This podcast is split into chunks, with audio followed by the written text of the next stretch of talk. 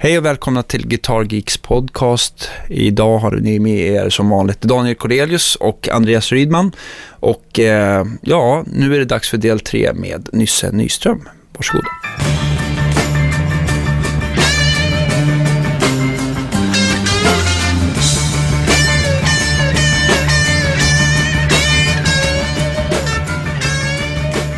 Ja, och det, alltså det var, ju- det var ju en fantastisk turné, höstturnén 86 var ju en fantastisk turné. Han hade ju släppt Döende Dandyn.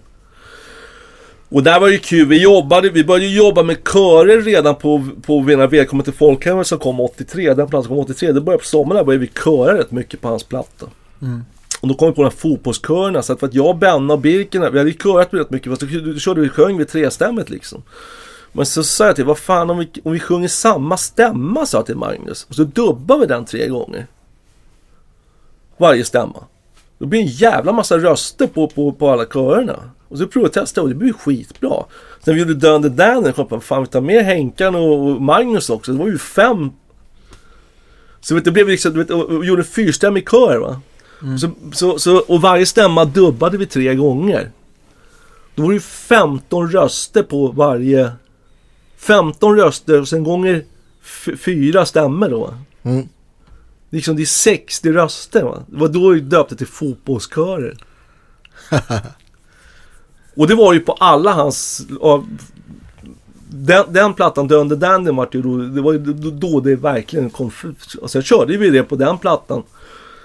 Och så körde, kör, gjorde han ju en, en, en eh, Ja vi kan komma till det. Men vi åkte den turnén här. Det var, det, var, alltså det var en makalös turné. Vi hade en sån jävla show. Jag älskade ju The, The Tubes. var ju mina stora favoriter. Det. kollade in mycket vad de gjorde.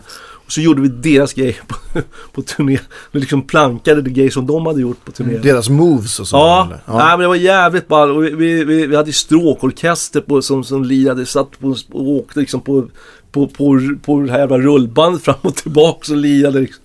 Ja, det var fantastiskt kul turné. Otroligt häftigt var det. Ja, ja. Du, Sen så vart det ju då 87. Jag hade ju sagt då när vi var på turné 86 att jag skulle försöka göra en platta till. Ja. Först jag sa, men CBS verkar inte så sugna. Men jag hade en jävligt bra idé för, sa jag till Magnus, som jag tänkte göra. Vad tänkte jag, oh, vadå? Så, jag tänkte göra svensk, covers på svenska låtar. Som, jag tycker är bra. Det har ju liksom Peter Lundblad gjorde en, ja, räkna upp lite låtar. Peter Lundblad gjorde en låt som, som, som jag ja, nu kommer man inte ihåg vad de hette. Men det var, jag räknade upp massa fall svenska låtar som jag tyckte var bra.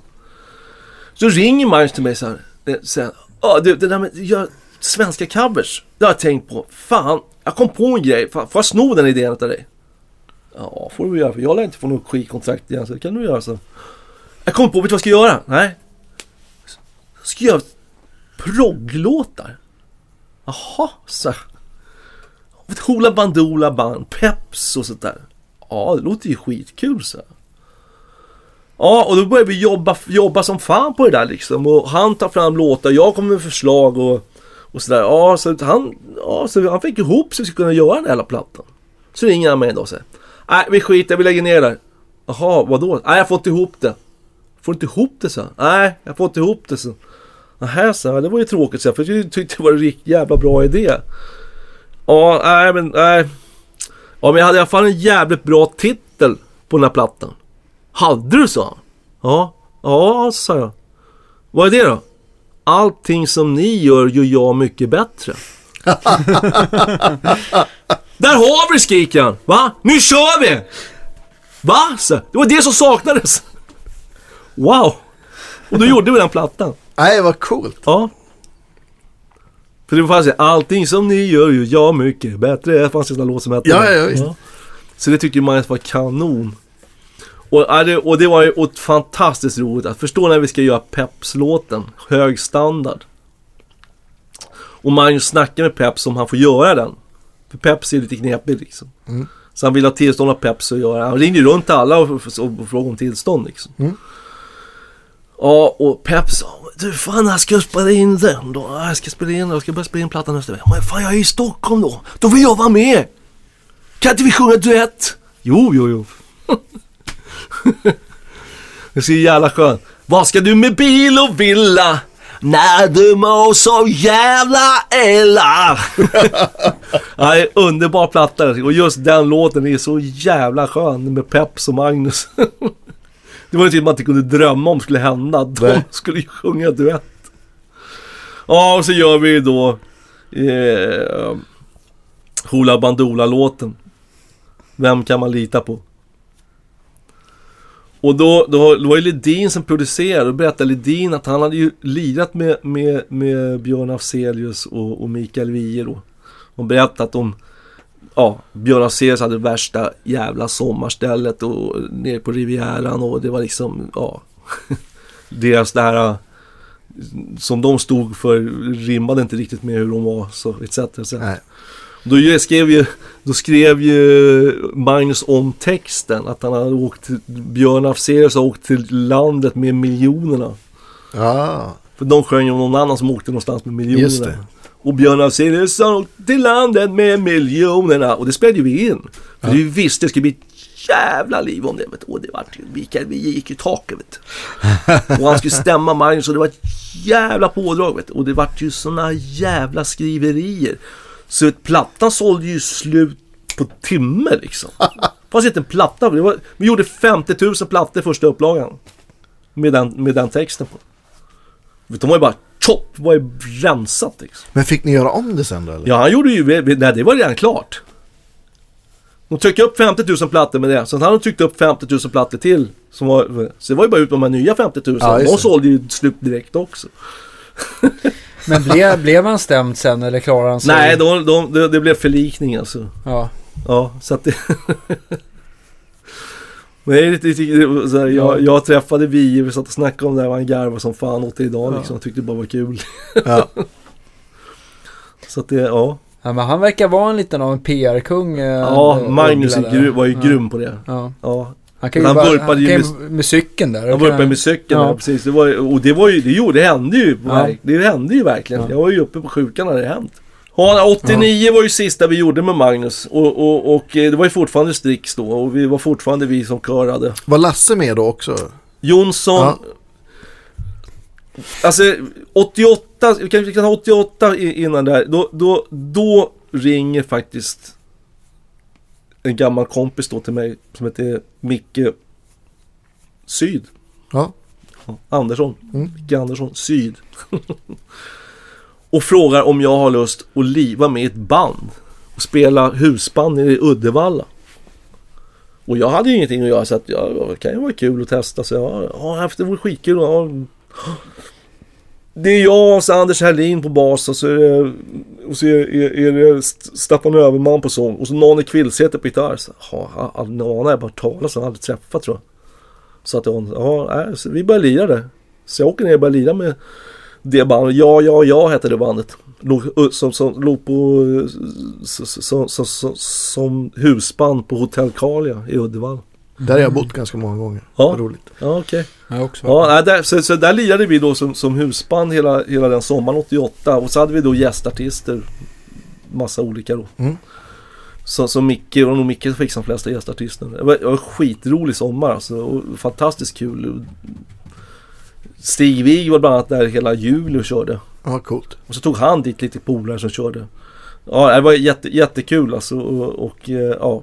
Men du, nu får vi inte, nu har vi spolat fram till 89. Vi får inte missa 86 och Janne Schaffers röda gitarr och PV-förstärkare. Nej just det, vi skulle ta ett den 86. Förlåt, det var 87 var vi på. Så, så, nu var vi 88, just det. Ja. Ja, Mm, ja. då, då måste vi backa till Jannes. Ja men alltså, det- det hör ju inte till min, till min musikhistoria. Ja, men det är Jo, ändå... men- Jo, jo, men- det är det lite grann. Jo, allt men det är- Jan. Janne kommer till mig 1986. Då hade Larry V blivit storsäljare. Gitarrerna Larry V hade Ja. blivit storsäljare. Och det var ju faktiskt jag som hade skapat den storsäljaren åt Larry V. För jag sa till honom, det sitter ett jävla kalersvaj på din gitarr. Det är ett värdelöst tremolo, det ska sitta Floyd Rose på det. Du ska ha EMG-micka på gitarren. Ja visst, så de gjorde den här gitarren som jag ville ha den. Och det var ju jättesuccé. Så Janne kom och köper en sån gitarr av mig. Den röda. Ja, den röda. och sen behöver han ha en förstärkare. För då var vi nog framme 87. Ja, Där vi Okej. Okej, okej. Ja. Och eh, då sa jag till honom, jag har kört på en PB-förstärkare som jag tycker är jättebra. Så att eh, du kan ju få prova den. Och så. så jag körde hem en sån till honom. Och så stod han och lirade i sitt vardagsrum hemma. På den, på full jävla volym. Och bad mig krana den. Åh, lite mer bas. Så jag ställde in. Ja, ställde in. Ja. Nu låter det skitbra! Ja, bra. Ja, visst. Ja, ja, så sprang han och hämtade tejp. Satte han tejp på. Så skrev han upp hur alla kontrollerna stod. Ja. Och den förstärkaren har han kvar än idag. Han har kvar gitarren än idag, han har kvar förstärkaren än idag. Och, Och tejpen sitter ovanpå än Jajamän, idag med jag. inställningarna. För att jag, jag hörde den här storyn första gången jag spelade med Janne Schaffer. Ja, Eh, då spelade vi med, ja, men med den här ABBA, ABBA-showen som jag Ja. turnerar med ja, då och då. Och eh, vi ska spela på, ja, men det är på världsutställningen i Sevilla. Det var också mitt första gig med det där bandet, det är nog Okej. tio år sedan. okej. Jättestort gig, så 15 000 pers och, och Janne Schaffer skulle vara med som gäst och det, det tyckte jag var lite läskigt. Jag var, var nervös, jag hade inte fått repa eller någonting. Och så, Nej. på soundcheck så hamnade vi bredvid varandra och Janne är ju jättetrevlig liksom och, och vi började snacka och så säger jag, ja är det, har du, är det någon, någon roadie som har, har tejpat och skrivit det här på din säck? Nej vet du alltså jag köpte den här av Nysse vet du och då ställde han in ett så bra ljud så då satte jag en tejp här och så skrev jag upp det.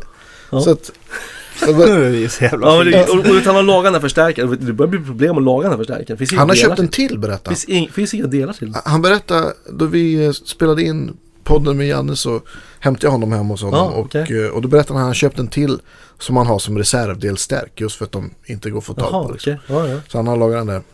ja, han åker ju, han åker ju ut till, till Kalle, eh, ja. Kalle på Ja, LO. Ja. Det var jag som sa det det bara, Den enda som kan laga den här förstärkaren, det är Kalle på LO. Det är den enda som kan laga den här förstärkaren åt. Ja. Han är den enda som kanske har delar till det. Och det var det ju. Ja, men Kalle är grym faktiskt. Ja, verkligen. En väldigt trevlig person. Ja men vad kul, jag ville det var så kul att få höra Ja. den storyn Ja. från dig i och med att jag Ja, har hört den från ja, honom då, också. Jo, så. men så. Men det var ju 87 så det rimmar ihop med där vi var då ungefär. Ja. Ja. Men när du inte turnerade, då var du på musikbörsen och sålde gitarrer? Jag har jobbat på, på, alltså under hela min karriär, min musikaliska karriär, så har jag jobbat i musikaffären och det har ju varit på musikbörsen. För att alltså, Jerker var ju så jävla nice, jag fick ju vara borta hur mycket jag ville. Ja. Hur mycket som helst. Jag fick ledigt när som helst där Jerker får åka och lira. För Perfekt han tyckte, det, han tyckte det var bra, han tyckte det var bra liksom showcase för, för, för affären tror jag. Mm. Att, att jag var ute och lirade. Så att, ja, men Jerker var ju en fantastisk människa. Fantastisk chef att ha. Han var ju grym. Alltså jag älskar den personen. Och han, han, han framförallt så lärde han mig så jävla mycket. Som jag sen tog med mig när jag tog över det va? Efter Mm. honom. När gjorde du det? Eh, 85.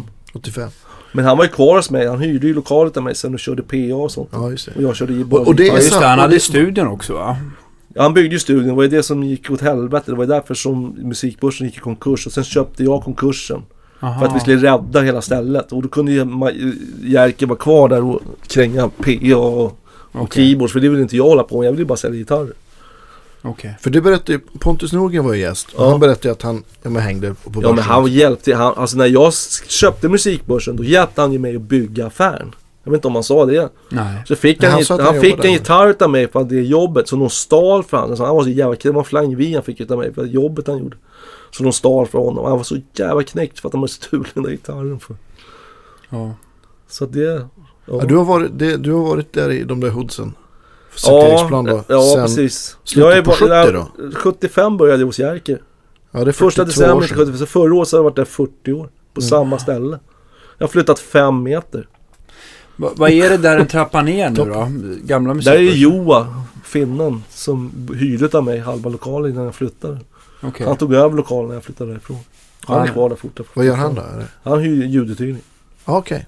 Jaha. Ja. ja, ska vi kasta oss in i ugglan så vi betar av det? här? Ja, visst, kör bara. Ja, vi, vi hade gjort den där eh, coverplattan då och, och det var Ledin som prodade. Vi gjorde våra fotbollskörer igen. Och sen så var det ju då Magnus säger att ni måste komma och köra på en låt som jag har gjort. Jaha, så vi kommer till studion. Då har han gjort Jag mår illa. Mm.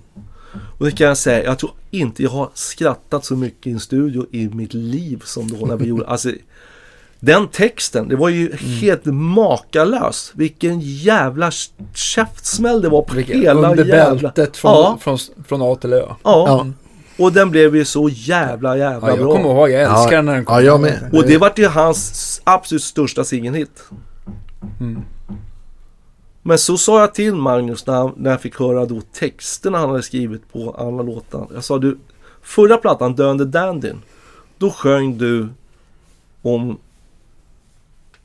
sex på ett jävligt kul sätt. Det gör du inte på den här plattan.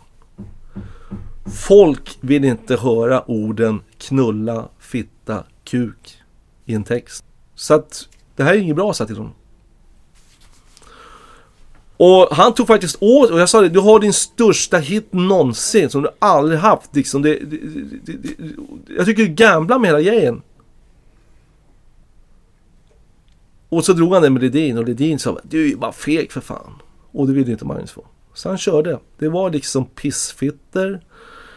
Dyra tanter knulla till sig diamanter. Det var någon med att de klättrade upp för hans kuk. Det tog han bort. Okej. Men pissfitter och dyra tanter knulla till sig diamanter körde han. Och de såg ju plattan så här alltså.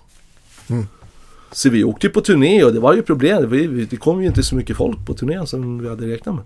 Trots jag mår illa. Ja, trots jag mår illa. Okej. Och det var ju det som var så, det var ju det som var så jävla tråkigt. Att vi fick inte rida på den. Det borde ju ha varit den Ja, mest lyckade turnén. ja visst, kan man ju visst, visst, visst. Fan vad konstigt alltså. Ja. alltså. Med tanke på att den sålde så bra att det kom Ja, så mycket ja, folk. Ja, Ändå. Ja. ja. Kändes som folk gick på recensionerna mer än... Ja, Ja men det vart ju så liksom. Det, det, det, ja. Han fick en hit sen på våren efter. Som blev rätt stor. Som jag inte kommer ihåg vilken det var nu.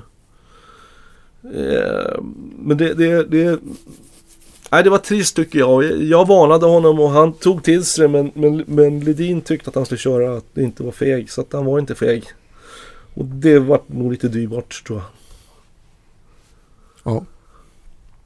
Men vi åkte den turnén å- 89 där och, och, och det var ju kul turné också. Fast det, det, var, det, var lite, det, det, var lite jobbiga grejer som här, turnéledaren fick lägga av för att han, de hade inte råd med. De drog in på crewet och sånt där. Så det blev lite dålig stämning liksom. Ja, det Ehm, vi bandet märkte inte av det sådär. Men jag, jag hängde jävligt mycket med crewet och hängde mycket med Lenberg. I och med att turnéledaren försvann. Det var, det var ju faktiskt att jag fick ofta ta över den här turnéledarbiten. När turnéledaren försvann. Det hade jag gjort några sommar, sommaren 86 bland annat. Och, och, och eh, jag tyckte det var rätt kul att ta men jag fick axla den grejen igen då 89 och det, det kändes lite jobbigt.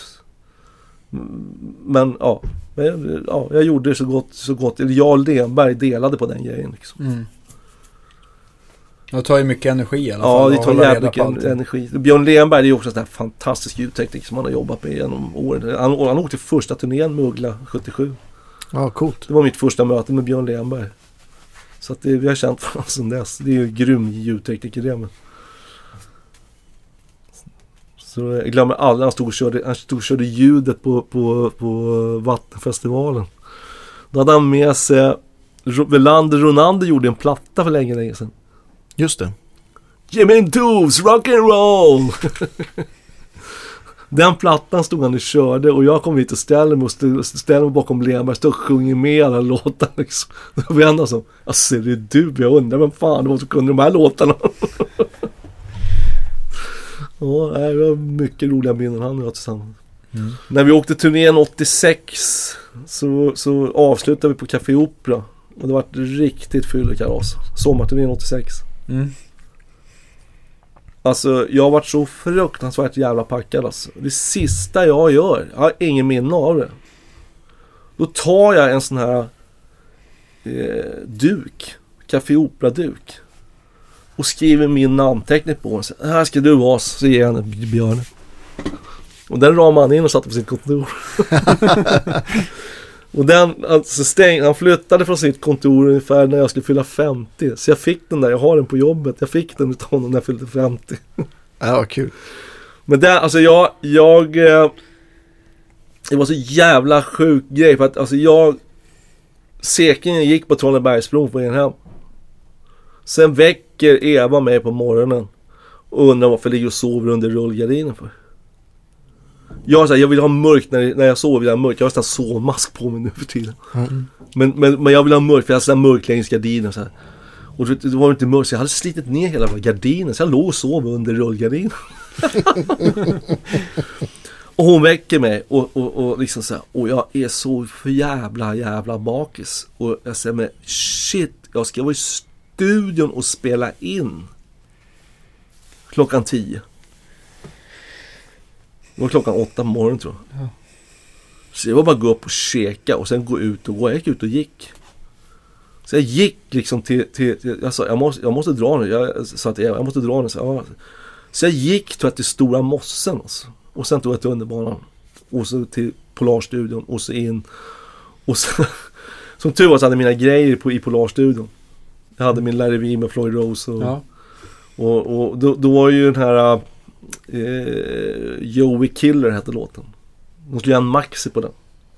Och då skulle jag ju då hålla på och göra gitarryl i början på den. Och jag gick in, kopplade in gitarren och så drar de låten och jag börjar liksom... Och sen liksom... Och så. Ja det är bra, kom ut! Va? sa jag. Jag hade ju bara liksom testat liksom. Kom ut, det blev skitbra! Så lirar de upp. Jaha, sa jag. Du kan gå nu. Tack. ja, det var fantastiskt roligt. Och det blev faktiskt jävligt bra. Den maxi blev jätteballt liksom.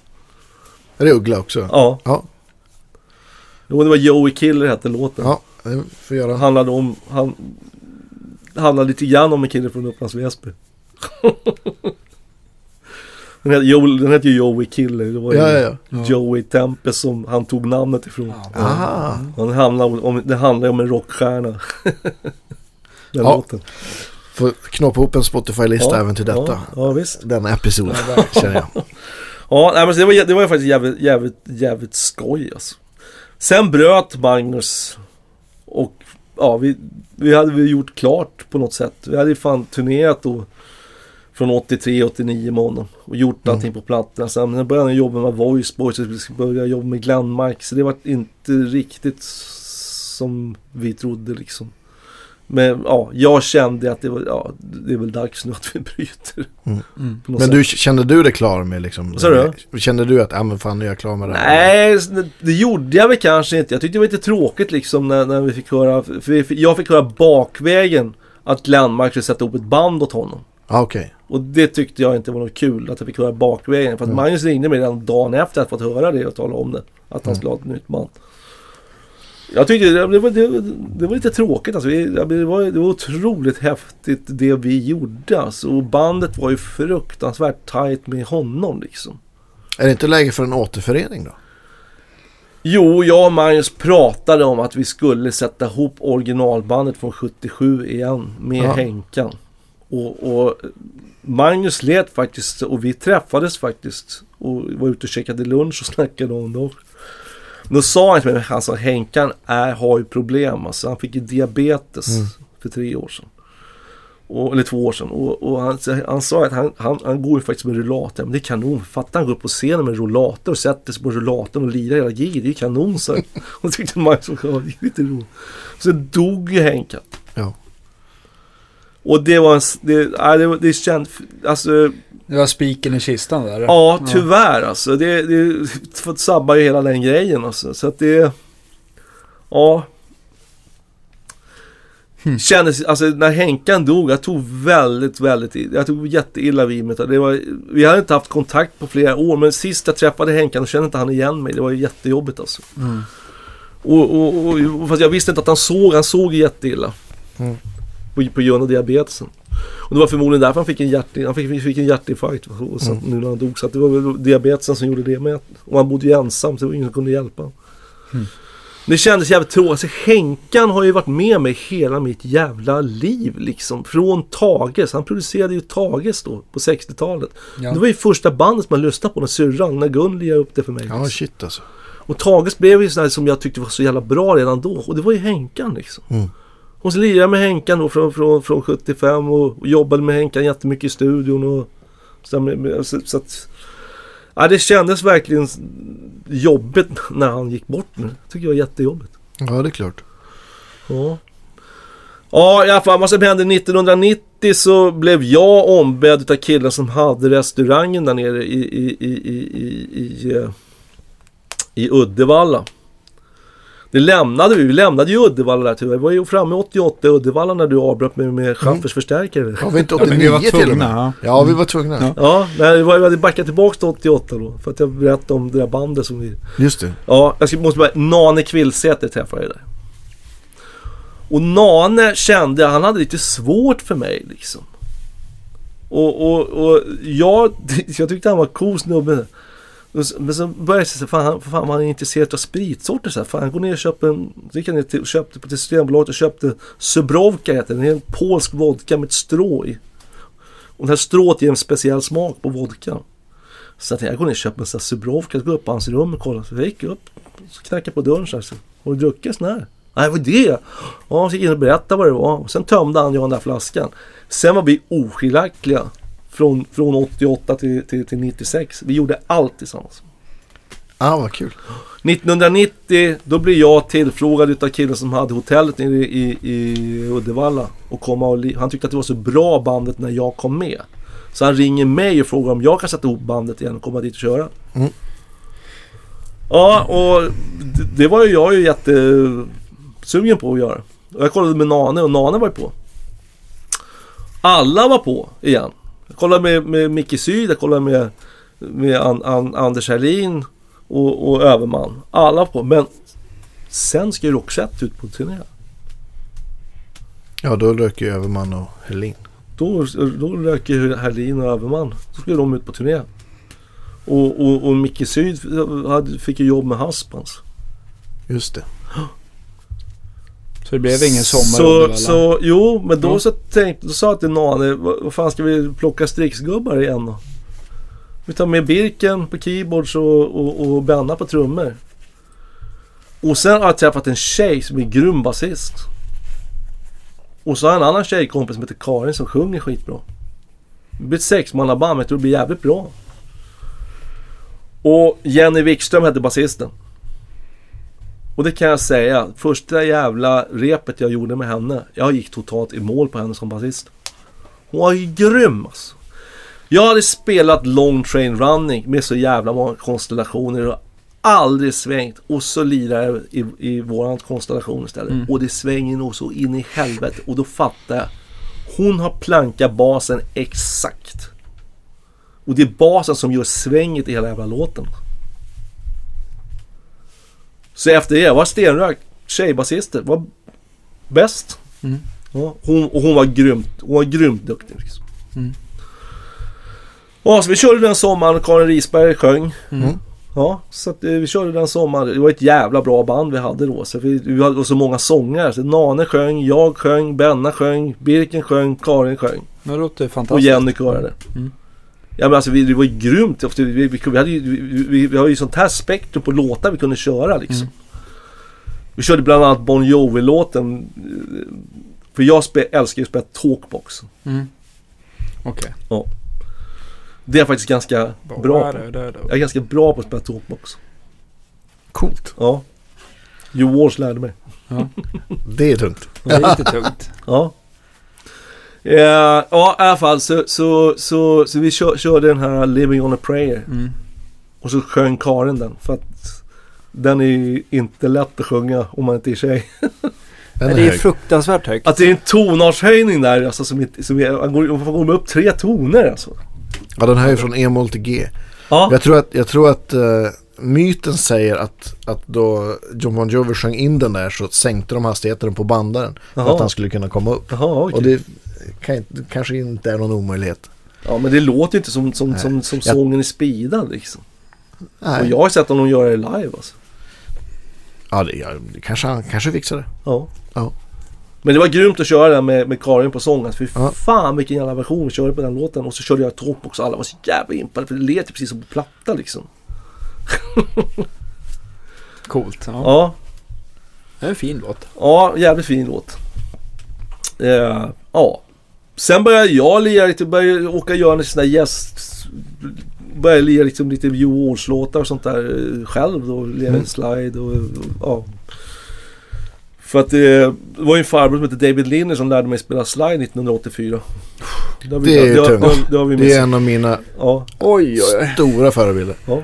Den blåa Men det skivan måste- där det får med du- Mercury Blues. Den har man ju, var ju typ det första Ja. jag gick i mål Men på. det, nu får du När jag, faktiskt berätta när jag talade om, för, David när jag talade om, om för David Lindley vilka mina, mina idoler var, så här, Hugh Walsh och, och Rick Vito, det är mina stora slide-idoler så jag. Och så du förstås. Och så, ja, you know these two guys, you need, you need a good heart to play good slide. But these guys, you, you need two hearts. Not, not enough one heart, you need two hearts to do what these guys do because they are amazing, mig. Ja.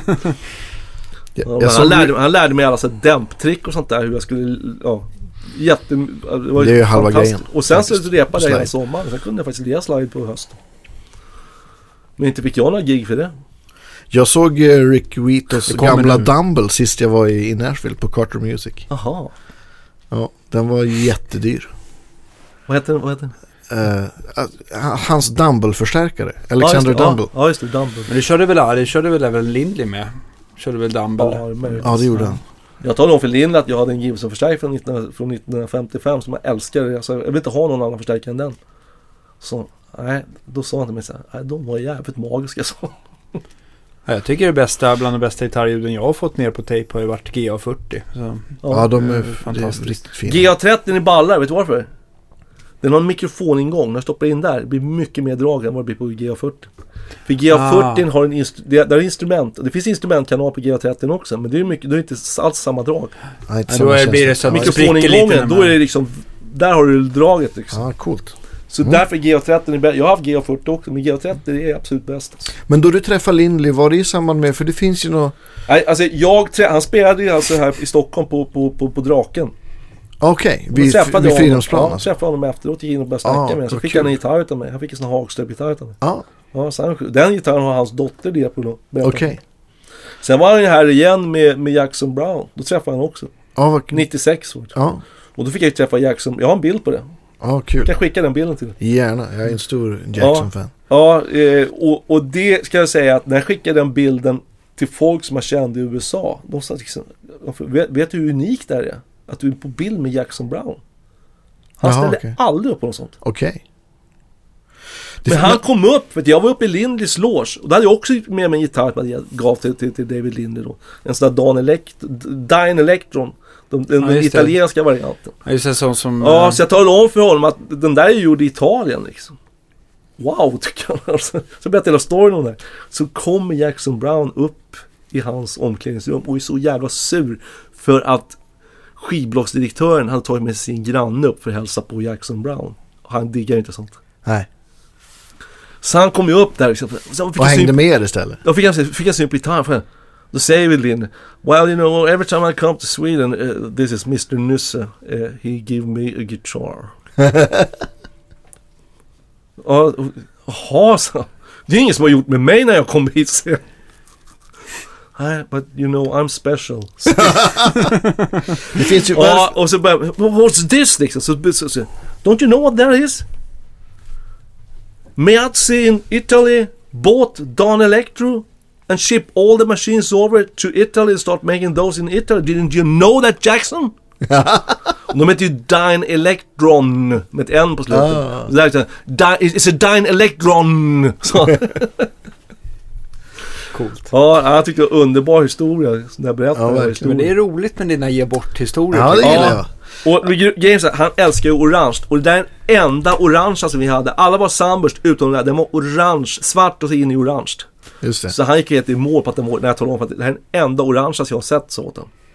Så Det han finns ju ett jävligt bra- You know I like orange. Yeah, I love, YouTube-klipp, I love the Nisse. pants you have when you played at last time you were in Stockholm. För då hade han orangea brallor på sig. Men va, va, det finns ju något tv-program där han spelar på SVT, Lindley. Eh, Ja, de var ju på eh, måndagsbörsen. Måndagsbörsen ja. Ja, det, där körde, det är de dagens, Blues. exakt, det Det är på dagens, YouTube. dagens YouTube-tips Ja, till er ja. lyssnare. Ja, det det är fantastiskt. fantastiskt Ja, det, bra, måste alltså. ju, det får du faktiskt eh, bakläxa och lägga upp. Ja, det ska jag göra. Det är Ja, magi alltså. Nej, ty tyvärr så höll jag inte kontakten med honom. Vi vi höll kontakten lite grann efter 84 när jag hade träffat honom. Då hade vi lite kontakt till och från. Jag skrev lite brev till honom. Men det roliga med Jackson Brown. Alltså jag hade ju en story som jag berättade för honom. När vi fixade ett grand piano åt honom när han var här första gången 76. Okej. Ja. Och det var ju Jerker, min chef, som fixade det åt den. Så... ja, i alla fall. Jag var inblandad också. Jag åkte och låste upp affären så de kom in och hämtade jävla grandpianot. Okej. Ja, eh, i alla fall. Eh, så Jackson Brown skrev ett tackbrev till Jerker. Det var jag hade 76, det här var 96 att jag var 20 år senare. Det tyckte Jackson Brown, det tackbrevet var Jerker på sitt kontor. Ja, det förstår jag. Ja, men vi var framme, ja, ja, ja, ja där. Vi spelade i alla fall den här sommaren där och sen så blev ju då tjejerna, båda tjejerna blev med barn så de la ju av. Då fick vi med Mia Kemp på bas istället. Just det. Grymt duktig basist. Där, där var ju rock'n'roll basist alltså. Jag så impad på henne för hon var så jävla, så jävla schysst rock'n'roll bas liksom. För Jenny var ju mer, hon var ju mer pryd, hon spelade ju jävligt, var ju jävligt duktig va. Men Mia det var ju bara, nu jävlar nu kör vi grabbar liksom. Mm. Grym tjej och, tycker jag att lira med. Mm. Så sjöng hon jättebra. Och, ja, så hon, och då bytte vi namn på bandet till, till då, hade, då hade ju Allman Brothers släppt sin, sin återföreningsskiva. Och första låten hette Good Clean Fun. Just det.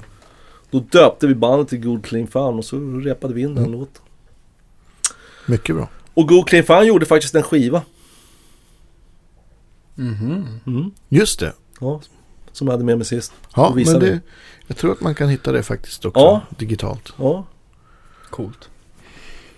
Jo, men där, där spelar jag ju Talkbox då jävligt mycket. Liksom, så- och där, där, där, vi kör ju Rocky Mountain Way och det är både slide och Talkbox på den. Ja. Så det... Men, men eh, eh, Joe Walsh sa inte till mig hur man använde Talkbox. Men jag läste väldigt, väldigt mycket om Talkbox och vad han skrev hur man skulle göra, hur man skulle liksom andas, hur man skulle liksom, att man skulle liksom göra så att det blir så, så att det Okej. liksom, man täpper igen gommen va. Så att munnen blir som en jävla... eh, Resonans. Ja, resonanslåda Ja, liksom. visst. Och då kan du forma, för det är många som lirar Talkbox som inte gör det och då låter det bara som en jävla dålig wowa liksom. Ja, just det. Men man kan göra så flummiga grejer med Talkboxen när man har lärt sig att göra den här grejen. Det finns ju nu. Och så vad han sa också. Använd en, då berättade han, när han spelade in, in eh, Rocky Mountain Way första Ja, gången visst. med Talkbox. Första, det, var, alltså det var den första Talkboxen som gjorde det. Det var en polare till honom som, som ledde, ledde Lapstee som byggde den första Talkboxen. Men tyckte inte att det funkar så gav han den till Joe Walsh då som började tyckte var fan. Då skrev Joe Walsh att man, de- man, idag har man gjort så mycket talkboxar, det funkar inte. Man kan inte plugga in en 50 watts Marshall. Man ska köra en liten förstärkare. Jag körde en Pignose. Ja, okej. Och då fattade jag, vad fan klart man ska ha en liten förstärkare. Så jag köpte en sån här 12 watts Marshall och satte in. Det funkar hur bra som helst. Ja. Och så ska man ha jävligt bra driver alltså. Mm. Så, att det, så att det blir lite botten i, i soundet liksom. Och, och, och ja. Så jag gick på allting vad han, han skrev i de här två, tre intervjuerna om Talkbox som jag läste om honom. Okej. Och, och så jag fick faktiskt till det. Så du kan lyssna på det. Du fick plattan sist när jag var här. Mm. Lyssna på den för för det blev jävligt bra alltså. Mm. Den finns inte på Spotify den plattan. Så den kan Den gör inte det, okej. Nej. Kanske vi kan lägga in en snutt på det här. Kanske du kan lägga in den på. Spotify. Exakt. Jag tänkte på, liksom på musikbörsen där. När, hur hur eh, länge hade du lokalerna där nere tills du, tills du liksom gav upp i källaren? 94 Okej, flyttade jag upp i dagsljus. okej. Det var fantastiskt skönt. Ja, Så där i dagsljus har jag varit i 22 år nu. Det är skönt. okej, okej. Men när bytte du namnet till gitarrspecialist? Det var samtidigt. Ja, det var samtidigt, Ja. okej. Men sålde Och du det den hängde lokalen ihop att musikbörsen Det var ju Jerker som startade musikbörsen. Ja. Jag köpte namnet. Jerker hade ju startat en kedja som heter Musikbörsen. Som killen i Göteborg köpte av Jerker alla de andra affärerna. Ja, Okej. okej. Som han sen sålde till ett företag som heter Music House Group. Okej. Och jag, de hade ju då affärer som hette Musikhuset. Så jag trodde att de skulle byta namn till Musikhuset på alla Musikbörsen-affärerna. Det gjorde de inte. Okej. Ja, det är Men grejen namn, var att de Börsen. hade ju inte rätten till namnet. Men det visste inte jag. Okej. Ingen av de butikerna hette Musikbörsen. Och så lurade då killen som jag var, jag var ju polare med dem. Jag Ja. handlade mycket GK, de var, de var ju generalagent för GK bland annat. Så jag så Mm. köpte skitmycket GK-förstärkare till dem. ES De tog även över ESP där ett tag. De köpte ju Marcel. Och där, vi, jag var nere hos dem, vi var ute och käkade och då blev han lite packad. Killen då, där. Nämner inget namn. Nej. Eh, han blev lite packad så han började berätta. Så frågade han för Marcel, vad fan hände med dem? Så liksom. Gick de i konkurs? Ja, du vet. Jag satte revision på dem. Det klarade de inte, så de gick i konkurs. Då köpte vi det. Ja, det var ju bussigt, så här. Ja, ja, ja, så han, ja. Ja, så jag tänkte inte så mycket mer på det. Sen lurar han mig och skrev på ett papper. Så jag förlorar rättigheterna till namnet Musikbörsen. Och det klickar inte jag förrän jag skriver på det här pappret. Nej, vad fult. Ja, jävligt fult. Och då vart jag jävligt, jävligt sned.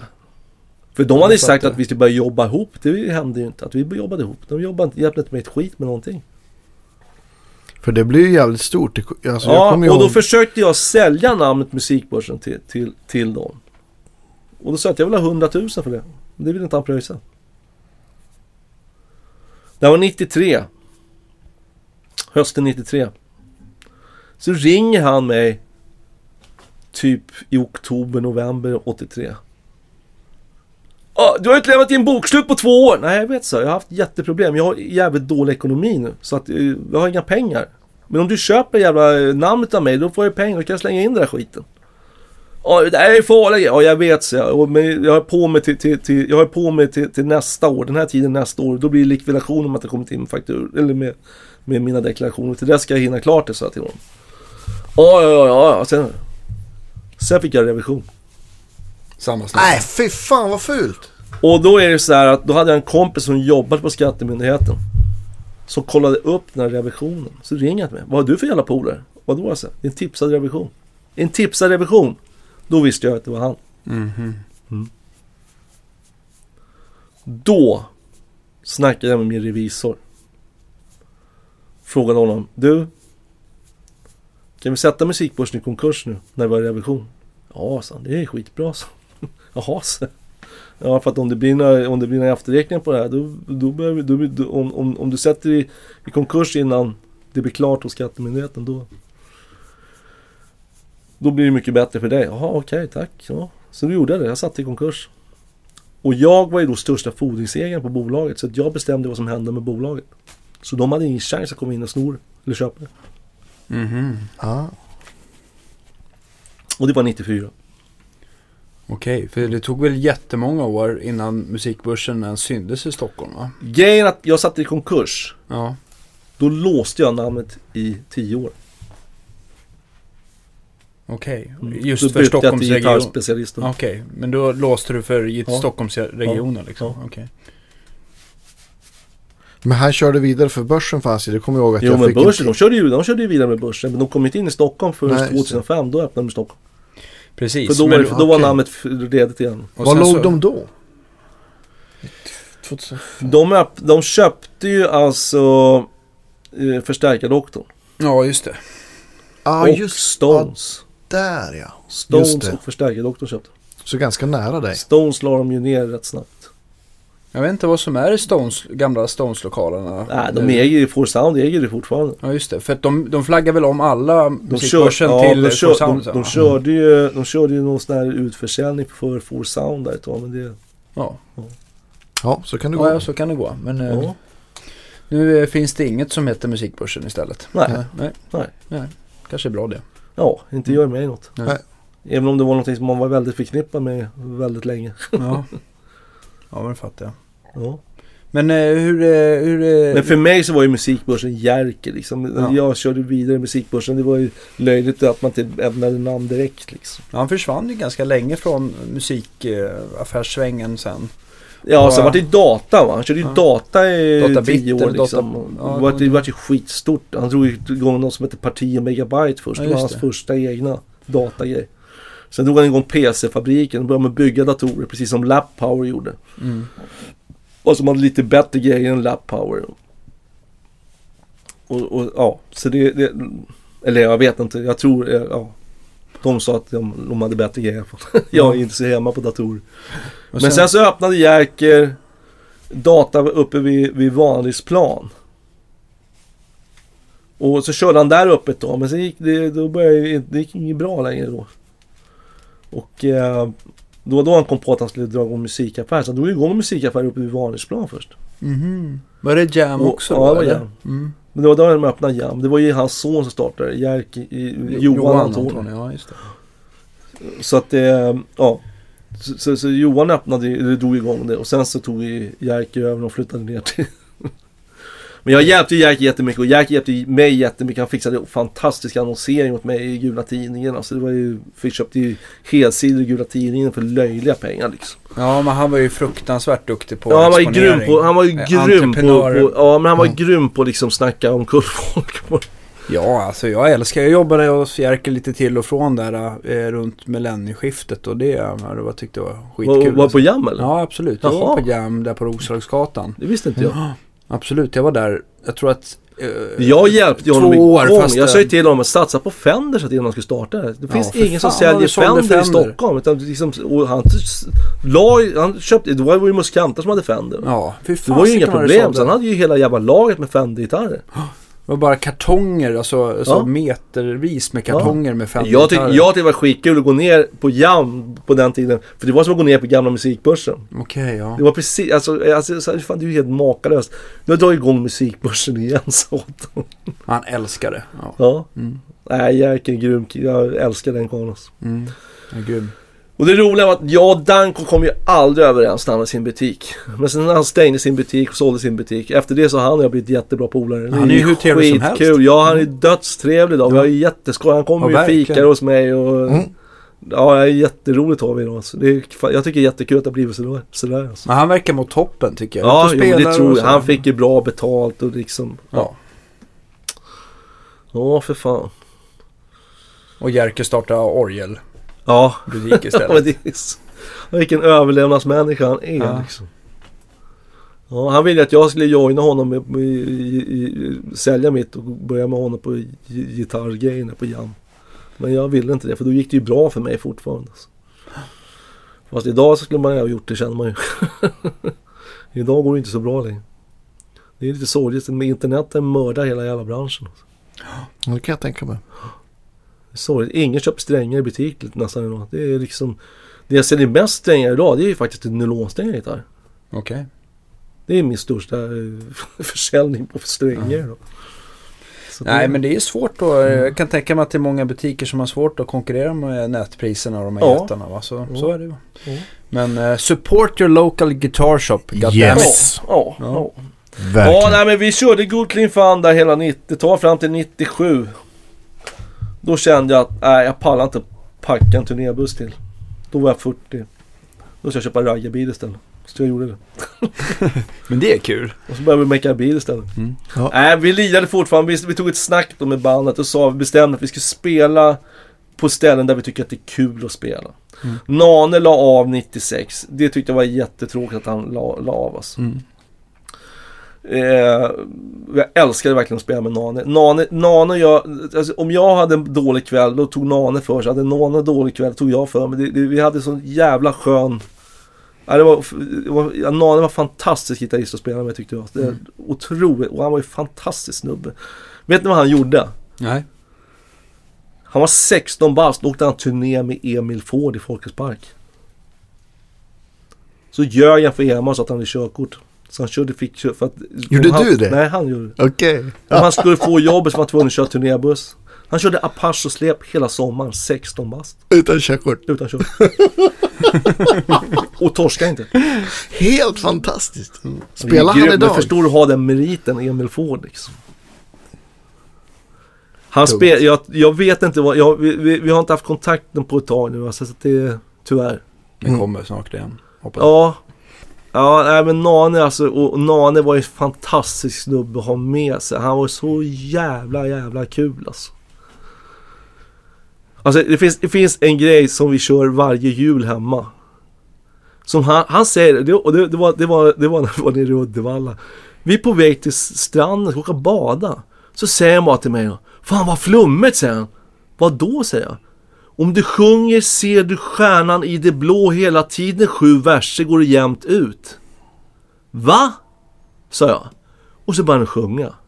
Ser du stjärnan i det blå? Ser du stjärnan i det blå? Ser du stjärnan i det blå? Ser du stjärnan i det blå? Ser du stjärnan?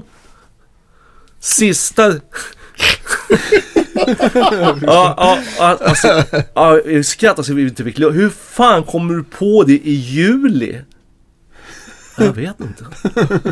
Det var den där trippen jag tog när jag var, när jag var 18. Nej. förmåga. Ja, men Nane han var en underbar människa. Underbar människa. Och det, det så, hur, hur är det? Nan i det blå ser du skär, nan i det blå ser du skär, nan i det blå ser du stjärnan i det blå. Det är sjunde versen. Det sjunger vi hemma hos mig varje julafton. Ja, det är bra. Och tillägnar Nane. Alltså det känns som att du har skrattat så mycket i ditt liv så man undrar om du någonsin kommer gå bort. Alltså. Ja, nej, det vet man ju inte. Nej, men eh, jag, har ju haft fantastisk tur alltså, i mitt Ja. liv. Och jag har fått jobba med det jag velat med affären och allt där. Och, och ja, 2000-talet. Vi, två, år två, alltså vi var uppe och spelade, vi, vad vi bestämde, vi skulle åka ner till spela i Vänersborg och då ville vi ta med Nane om han hängde med och han hängde med dit några gånger och lirade. Och så jävla kul som vi hade på vägen hem med honom i bilen, alltså han drog stories i bilen, man, alltså vi skrattade, man skrek liksom. Och han var en underbar person att ha med sig på turné. Eh, I love you Nane om du hör det här. Bara så du vet. Ja, nej, men det, det, det, det, Na, na, Nane blev en sån, sån just det här vi, vi, vi, vi gjorde nästan allting från 88 till 86 tillsammans. Så fort man fick ett gig, ja jag kommer, jag tar med mig Nane liksom. ja, det var, det var, otroligt roligt faktiskt. Så att det, all heder till Nane Kvill- Kvillsäter faktiskt. Mm. Ja, att träffa vad som någon. hände i alla fall vidare då i min musikaliska karriär. Vi är uppe och lirar i Åre 2000. Då är Pugh Rogefeldt där, då har han släppt en ny platta så han är uppe och kör med ett nytt band där uppe. Och, och, och vi partajar med dem hela jävla natten. Och Mia är ju, går ju loss totalt och börjar köra Pugh Rogefeldt-låtar. Och jag hänger på direkt. Jag älskar ju Pugh Rogefeldt. Pugh Rogefeldt såg jag verkligen upp till. Mm. Hela hans downperiod på 80-talet, jag såg upp till honom. hela- Jag har aldrig, aldrig sagt ett ont ord om honom. Jag har alltid älskat Pugh Rogefeldt. Mm. Då ringer Pugh till mig. I maj. Och säger, ja tja det är, det är Torbjörn. Ja hej. jag. Ja så börjar jag snacka. Ja. Hör du, fan jag tänkte höra om du hade lust att lira med mig i sommar. Ja det vore ju fantastiskt roligt så jag. Ja så pratade så, ja, så, ja, ja så snackade till. Ja, så, och så, vad, vad blir det för band? Nej men jag har inget band än. Så, här, vad ska vi sätta, vad vill du sätta upp för band? Alltså, jag tänkte med dig, det jag såg i dig och ditt band uppe i Åre, det var ju jävligt bra liksom. Jag gillar den tjejen som sjöng. Mia ja, hon älskar ju dig så. Ja. Men kan, det vara något? Ja, mitt band, det, vore ju skitkul för det vet man ju hur det funkar. Det är ett band som funkar på turné. Mm. Det är inget kul att åka på turné med ett band som man har plockat ihop och så kan inte folk snacka med varandra. Nej. Det har man ju hört folk har varit med om. Åh fy fan, då berättar han ju stories som hade hänt när han var på turné liksom. De hade liksom tredje giget han gjorde, stod folk och slog på parkeringen liksom. Ja, det är... Mm. Ja, nej, så att han tyckte det var jättebra. Ja, så började vi snacka ihop det där och så talade jag om, ja vilka som, hade- ja det är Sta- Staffan, Staffan han spelar keyboards och så, ja men liksom, ja men det är jag, Staffan och Benna från Strix då, och sen, och sen är, är, är det Mia Kempf på bas, från Chattanooga. Ja men Strix, det är ju hela jävla Strix som nej det är inte hela Strix, det är ingen jävel som tycker Strix är idag så åt han. Ah, han var tveksam med så här keyboards. Jag vet inte om man ska ha keyboards. Jag tycker det räcker att åka på kvartett liksom så här. Men så här, Pugg, om vi har keyboards med då kan vi spela vilken jävla pugglåt som helst i ditt jävla... Ja, ah, han var tveksam i alla fall. Och så var jag uppe och snackade med Blixten. Så drog han för Blixten och jag ville göra. Med mitt band och att Birken skulle vara med. Och han tyckte att det vore ju kanon. Och det är roliga med Blixten och Blixten och, och eh, Staffan Birken då. Birken, han, de, de, de låg i med varandra hela tiden Okej. under Uggla-perioden där. Ja. Och, och, och, Så när jag sa till Birken att jag ska snacka med Blixter nu och för att han är tveksam om du ska vara med. Ja men då kommer jag aldrig få åka med så här. Ja, det vet vi inte än så så snackade jag med Blixten om det och Blixten klart som fan Birken ska vara med. Det blir skitbra. Jag menar, vi tar tillbaks det här till ett steg till vad han gjorde då. Ja, precis vad vi vill också sa han. Ja bra, då är vi på samma, ja. Och så snackar vi ihop det. Fast jag, alltså, jag vill åka, jag har faktiskt en Yamaha elflygel. Och så har han Hammond B3. Så vi kan ha ett sound som kommer skilja sig mot alla andra band. Det kommer verkligen låta 70-tal om det vi gör. Det låter ju fantastiskt sound. Ja, och så snackar vi ihop det där och skulle vi... Ja, så vart det nästa, hur ska vi resa? Ja, det får bli van vet du. Ja, men van, hallå, vi ska ha med Hammond, du måste åka med släp då. Jaha, ja, ja, ja, den enda som får köra dra släp det är ju jag. Ja, ja, kan du göra det? Ja, det kan vi göra så. Det vore kul att göra. Jag älskar ju Pugh Rogefeldt. Det är min dröm att få göra Pugh Rogefeldt. Så det är klart vi gör det Pugh Rogefeldt. Så vi gjorde det. Så vi åkte den sommaren. Fick ju fantastiskt, överallt, alla recensioner. Det var liksom Halva recensionen handlade om mig och bandet och halva om, om, om Pugh Rogefeldt. Och vi fick ju fan en helsida i Aftonbladet. Coolt. Och en fantastisk recension. Då, då, då, då, då, skrev ju han recensenten som jag inte heller kommer ihåg vad han heter. Eh, han gav oss en sån fantastisk recension. Då skrev han och det här bandet som de har grävt fram under några gamla stenar. Ja, så skrev Strix Q, veteranen Nisse Nyström och bla bla och så, och så skrev han, och han sa det, låt, han sa, det lät verkligen 70-tal. Han tyckte det var så jävla jävla bra. För att alla andra körde ju då med, med samplade keyboards va? Ja. Och vi körde riktig B3 och, och så Yamaha-flygen. Och så Yamaha-flygen, det är sånt jävla ballt sound. Mm, det är grymt. Ja. Vill du ha en här? Har du en över? Ja, jag har en. Står hos Johan. Ja, varför inte? Den står bara där. Den har stått där sedan, 19, sedan 2000. Hos? Johan, finnen, bredvid mig. Jaha, okej. Ja. Ja, ni- jättegärna. Ja. Vi får snacka om det sen. Ja, Den är tung som ett as, så man måste vara fyra man och bära ner den här. Alltså. och så måste den stämma att den står på plats. Ja, just ja. Det är, det är ju pianosträngar. Ja. Men, men det, var, det var nya strängar när jag köpte den. År, år, år, ja. 1990. Jag köpte den av Tommy Jönsson. Ja. Tommy Jönsson Soundside. Ingen Denna aning. legend. Ja. Det är ju en legend. Det Ja. vet du. Ja, oh, ja, oh, ja. Vet du vad som är mest legendariska med honom är för mig? Nej. Han var ju radiohandlare. Och så hade han en kompis som drog igång Soundside åt honom. Som var dansbandsmusik. Sen började Tommy Jönsson titta på siffrorna. Han tyckte inte det gick så jävla bra. Så, och sen tyckte han fan det här kanske kan vara någonting. Så att han tog över Soundside själv. Våren 77. Aha. Gissa vem det var som stod uppe på Soundside när Dante skulle hyra PA. Och skulle ha dubbelt betalt för PA. Tommy Aha. Jönsson. Så det var Tommy som gav mig jobbet med Uggla. Nej, vad coolt!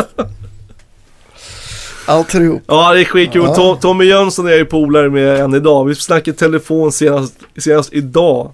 Han hjälper ju då greken, Jalle. Ja. Hjälper han ju med, med massa grejer. Jalle säljer kläder då eller... Ja. Ja. Och Tommy är ganska stadd i kassan så han hjälper Jalle. Ja. Ja, nej Tommy Jönsson det är en underbar människa. Jag har haft så otroligt mycket roliga minnen utav Tommy när han hade Soundside. Soundside hängde jag på jättemycket. Jag köpte jättemycket grejer av Soundside. När de hade, de hade sin grossist då. Åt Där min andra kon Gösta, känner du Gösta? Alltså, nu måste jag jobbar, tänka. han jobbade på Soundside. Ja, men var det han som gick ner till Musikverket sen? Eller tänker jag Just. på fel? Nej. Ja, Nej, jo, heter- jag vet inte. Idag så åker han som säljare på något sådär. Ja, men liksom lite lockigt hår glasögon. Ja, Ja, ja, då så. Ja. Spelar med Björn- Ur. Ja, men han, han var ju i och för på Musikverket. Men jag vet han jobbar ju bland annat för ILT och andra Ja, grossister, IBS och sånt jag där. han heter. Ja. Jag är inte hundra, men ja. Mm. Nej, så det, det var faktiskt, det, det är tid jag kommer ihåg. Och vem hyrde in sig upp hos Tommy Jönsson? Hyrde ett rum hos Tommy Jönsson och satt och sålde dataprogram. Vet du vem det var? Var det Jerker? Nej. Nej, Niklas hette han i förnamn. Lutman. Ja. Jaha. Han började där uppe. Okej, med sin, med Lutmans... Eh, ja. Okej, ja. Och Lutman där jobbar din son fortfarande va? Nej, inte idag. Inte idag? Han Okej, slutade där för, för tre, fyra år sedan. Okej. Så han har varit i hotellbranschen nu men nu ska han börja jobba inne i stan. Mm. På, på en bar. Ja. Kan vi gå dit och hänga.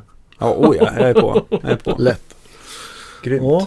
Min son blev impad när han hörde förra programmet. Alltså, du berättar grejer som jag aldrig har hört om. Ja, bra. Ja, jag Se om det kommer fram någonting nu då. Du får avlägga rapport sen. Ja. Ja, precis. Ja. Ja. Jo, nej, alltså, vi åkte i Pug där 2000, sommaren 2000, det var fantastiskt. Sen åkte vi 2001, då kändes det lite jobbigt hela grejen. Alltså, det var ett bråk redan efter första gigget mellan mig och en av de som jag hade tagit med i band, eller tagit med då i crewet. Och eh, ja, det kändes inte alls. Pugg började ta plats och jag hade ju då hela sommaren innan så jag bara, Pugg Rogefeldt gitarr liksom. Han ville inte spela solo. så han var Men han kom igång där lite grann och sen så ja. Och så åkte vi den turnén där och vi hade avslutning i Göteborg och då var vi uppe och pratade med hans nya management. För Ema hade klippt av honom då. För han kom, det kommit med en platta som inte kom. Så att han, Ema vill inte, ja.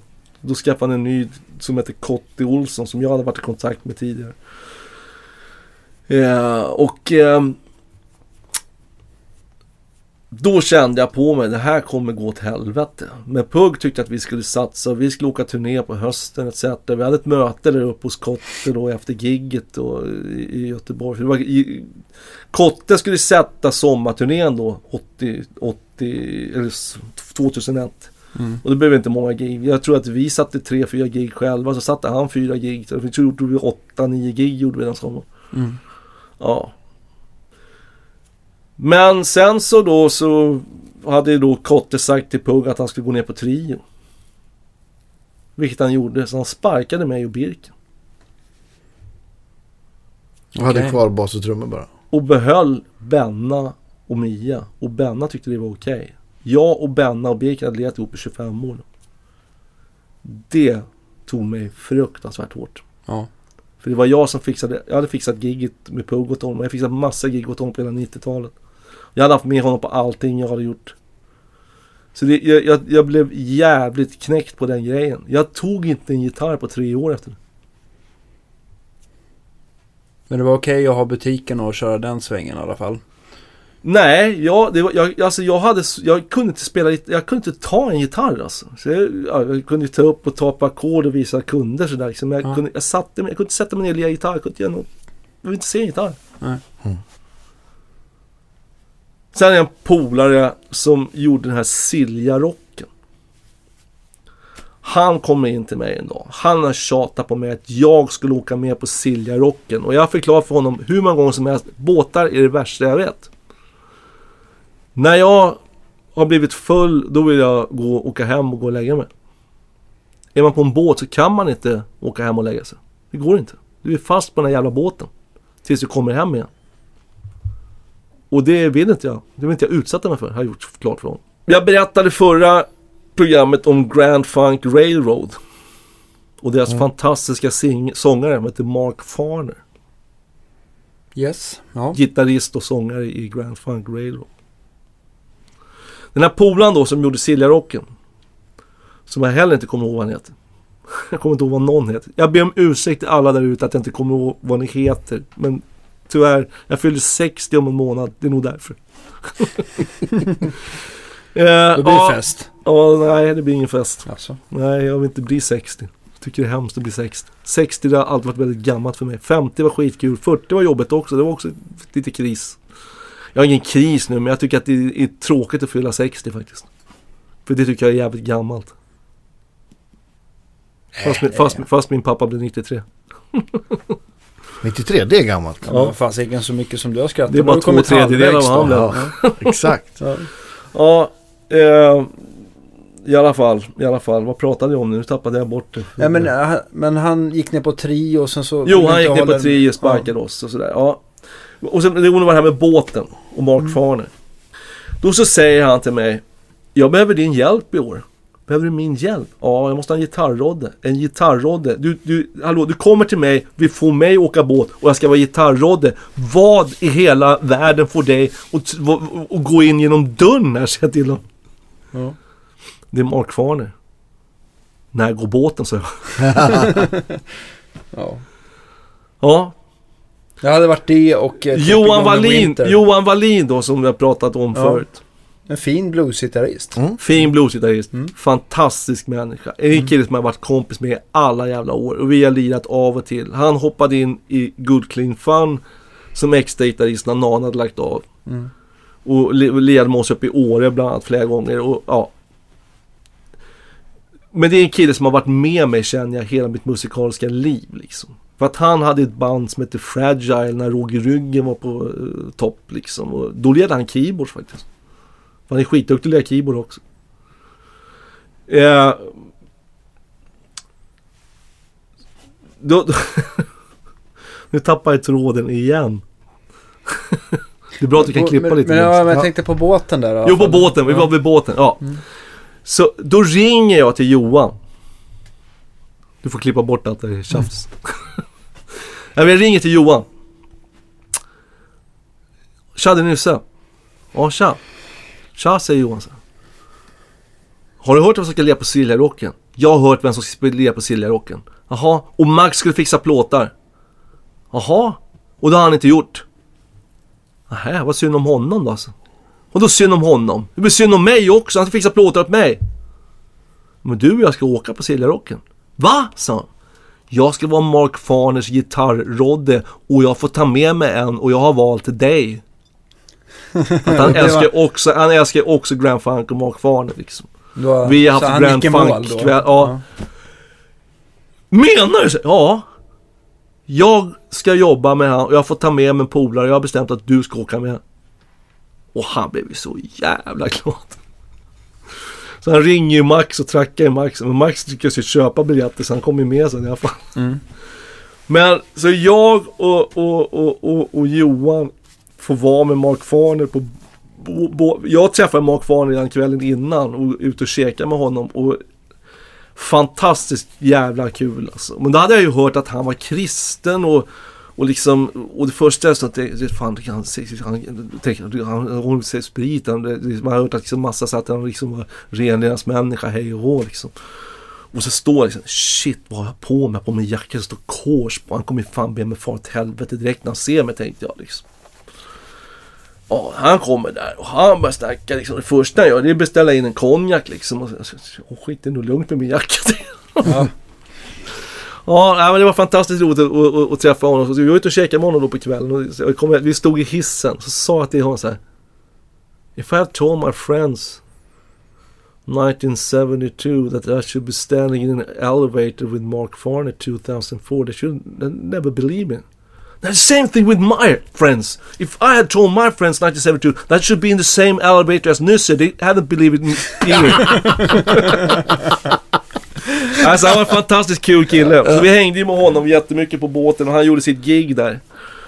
Och eh, innan den showen så, så, så, ja jag höll på att stämde hans gitarrer och sprang upp. Så, sprang, jag- så ville han ha sin gitarr, han, hans reservgitarr ville han ha nere i logen. Så jag tog ner till honom. Jag träffade basisten nere i logen och så frågade han mig om jag hade band. Och så talade jag om att jag hade band, att jag hade, vi hade spelat Grand Funk-låt eftersom vi hade en tjej som sjöng. Så vi kom upp, kunde sjunga Mark Farner-låtar. Och så berättade jag för honom att jag ville sjunga en låt som heter The Railroad. För att det är en låt som jag älskat sedan jag hörde den första gången. Den handlar om järnvägen, de som jobbar på järnvägen. Och jag var jättemycket vid järnvägen när jag var liten på mitt land. Nere i Västergötland. Så att järnväg har alltid varit häftigt för mig. Och The Railroad är en sån låt som jag älskar. Och, det, och då börjar då Mark Farner spela introt på den, så när han spelar, spelar klart. Då sjunger jag låten i pitch och det är jävligt högt alltså. Men jag lyckas pitcha det. Och, och så, så jag, bara, jag drar bara första linen som är Up this morning at five o'clock. Sjöng jag där inför, inför Mark Farner. Och han liksom bara sken upp så här. Och basisten garvade. Och så var det No more singing that night. I was lost, sa jag bara liksom. Och de garvade som fan. Ja, så får jag då låtlistan. Titta här. Fan, de kör inte den. Vad synd. För jag hade tittat på en låtlista från några tidigare gig. Där har han kört den låten The Radio. För det är min absoluta Grand Funk-favorit Ja. liksom. Så när man har kört fyra, fem låtar. Då springer Mark Farner och skriker till basisten och trummisen. Och så lirar de den låten. Ja, kul. Där står jag tre meter ifrån Mark Farner, han lirade. Så efteråt när han kommer ner så säger jag bara I really freak out when you did the radar. I, jag, I did it for you Nisse! I did it for you! Alltså jag, jag vet inte vad jag ska ta vägen. Ja, coolt. Ja. I alla fall, vad som händer nästa dag, vi åker här, vi partajar hela natten där och tyvärr så tappade jag bort dem. Men Johan partajade med Mark Farner halva natten. Så att de hade skitkul och Johan var ju så jävla glad liksom. Men full på en båt, det är lätt att tappa bort människor. Ja. Ja, nej, jag fattade inte var de tog vägen någonstans. Jag letade som fan, men jag hittade dem inte. Och gick inte, mobiltelefonerna funkar inte så bra där. Nej, nej, nej. Nej, så att det, ja. Sen nästa morgon, då sitter vi och åker. Då säger Johan till mig. Nu jag vill sätta upp ett band med dig. Jaha. Du måste börja lira igen. Jag vill sätta upp ett band. Vill du lira med mig? Ja, klart som fan att vi lirar med dig. Det är det första roliga jag har hört sen Pugg. Så. Ja, ja. Vi, klart, det var, ja. Nej, men fan vi måste ju, ja. Och sen så, ja, sommaren går. Vi får höra sig i höst om det. Jaha, okej, ja. Så jag ringer honom på hösten. Fan liksom. Ja, nej, men jag har så jävla mycket att göra, bla, bla, hej och, ja, så, och jag ringer säkert fyra, fem gånger hela jävla hösten där. Ja, nej, det är bara en det ena, en det andra han ska göra, det är annat i tid. Så går vi på fest. Kino Mariano fyller 50. Vi går på hans 50-årsfest. Och då är Dante med. Och då sitter ju Dante och Johan mitt emot varandra och jag sitter bredvid Dante. Och så börjar vi snacka liksom och så säger Dante liksom någonting. Ja fan, nej. fan, Johan frågar hur det går med dansbandet som, Jo- som, som Dante var med i. Och så, nej det går inget bra längre. Ligger man inte på, ligger man inte på Svensktoppen eller är med på Bingolotto så får man inga gig. Så. Jaha, då kan ju du och jag börja lira igen då, så att det är Dante liksom så här. Ja, ja kanske det, säger han. Så här. Och då säger Johan. Ja, Nysse, han, han, är han, han ringer mig en gång i veckan och frågar om vi ska... Ja, men Johan, det var du som frågade om inte vi kunde sätta ihop ett band på båten när vi åkte hem. Och jag blev så jävla glad. Det var det första positiva jag sett i att spela gitarr igen. Sen puggkatastrofen. Och, och så säger han bara. Dante, vill du vara med? Ja, säger Dante. Vad bra! Då är vi tre gitarrister. Keyboard så. Birken så. Bra! Basist. Ja. Forbes är ju bra basist. Han är ju här ikväll. Ja, fan spring bort och snacka med Forbes. Han sprang bort och snackade med Forbes. Forbes var med. Måste vara en trummis bara. Ja, så föreslog jag det Binge. Nej, Binge han är nykterist. Det är inget bra. Nähä, okej. Nej, det blir problem. Ja, precis. Nej, då hittade han en annan trummis som också faktiskt var... inte var, var nykterist. ja. Och fantastisk trummis. Han var med i Trash. Första upplagan av Trash. Okej. Mm. Nej, det ringer ingen klocka. Nej, gry, grymt bra trumslagare. Var med om en fruktansvärd bilolycka 1987. Blev av med frun och, och hennes fan. barn och hans bästa kompis. Så han och fruns barn överlevde och hans kompis fru överlevde. Och eh, ja, Shit. Ja. ja, det var en fruktansvärd olycka. O- otroligt bra trummis. Så jag satte ihop Sticks igen så vi började lira. Fast det först var det bara ett band och sen blev det Sticks igen. För att eh, Forbes la ju av. Okej. Och då kom ju Olle med i bandet. Så då var ju hela, då var ju jag, Benna, jag, ben, nej, jag Birken och, och Dante och Olle. Har ni kvar den här sättningen idag? Nej, vi lirade alltså, vi höll på från 2005 till 2008. Då gjorde, sista vi gjorde 2008, det var att repa ihop en grej för Melodifestivalen. Som, vi, som de skickade in tror jag. Det var någon låt som Max hade skrivit som vi lirade in och sen, ja. Sen råkade Johan ut för en olycka. Han jobbade på Budwheels. Så att han fick en baklyft som slog av axeln. Slog av axeln. Tog ett år innan han kunde lira igen. När han var klar, ja då fick Dante en handledsinflammation. Kunde inte han spela på ett halvår. Sen la vi ner bandet. Tyvärr. Okej. Har det varit eh, spelledigt sedan dess? eller Sen dess har jag inte lirat någonting. Vi satte ihop ett band lite på skoj sådär men det, det, nej, det vart ingenting. Nej. Anders Flush hette trummisen som, Mm. som, som var med. Har, Eh, eh, ja. Så jag, Anders Flush och, och så eh, två polare satte ihop ett och körde lite grann. Men sen fick Anders Flush ett nytt jobb så hade inte han tid längre. Sen så orkade inte jag. Så att sen dess har jag inte lirat någonting. Nej. Och du var det här och spelat in på några Här har jag varit och spelat in, det är ju Ja. skitkul. Var det med Karin Risberg? va? Ja, exakt. Jo men jag och Karin, det, det är lite kul för det var ju ett grejt projekt som vi hade för 20-25 år sedan. Ja, men som det är någon där ute i etern som hör det här att Ja. Nysse bör spela igen så kan man ju få liksom många långa fina historier. Och Ja, trevligt på jag sin turné. jag har faktiskt- Absolut. Jag har faktiskt sagt till folk att om de har någonting färdigt som man kan kliva in i, då är jag med. Mm. Och eh, Men då vet jag har en kompis som heter Mats Arenborg. Ja, Och eh, han, där, där är på gång. Där är på gång. Det låter bra. Mats Arenborg är en jättetrevlig ju- vi har ju gitarrist. en kompis som, som har öppnat ett ställe uppe i Avesta. Ja.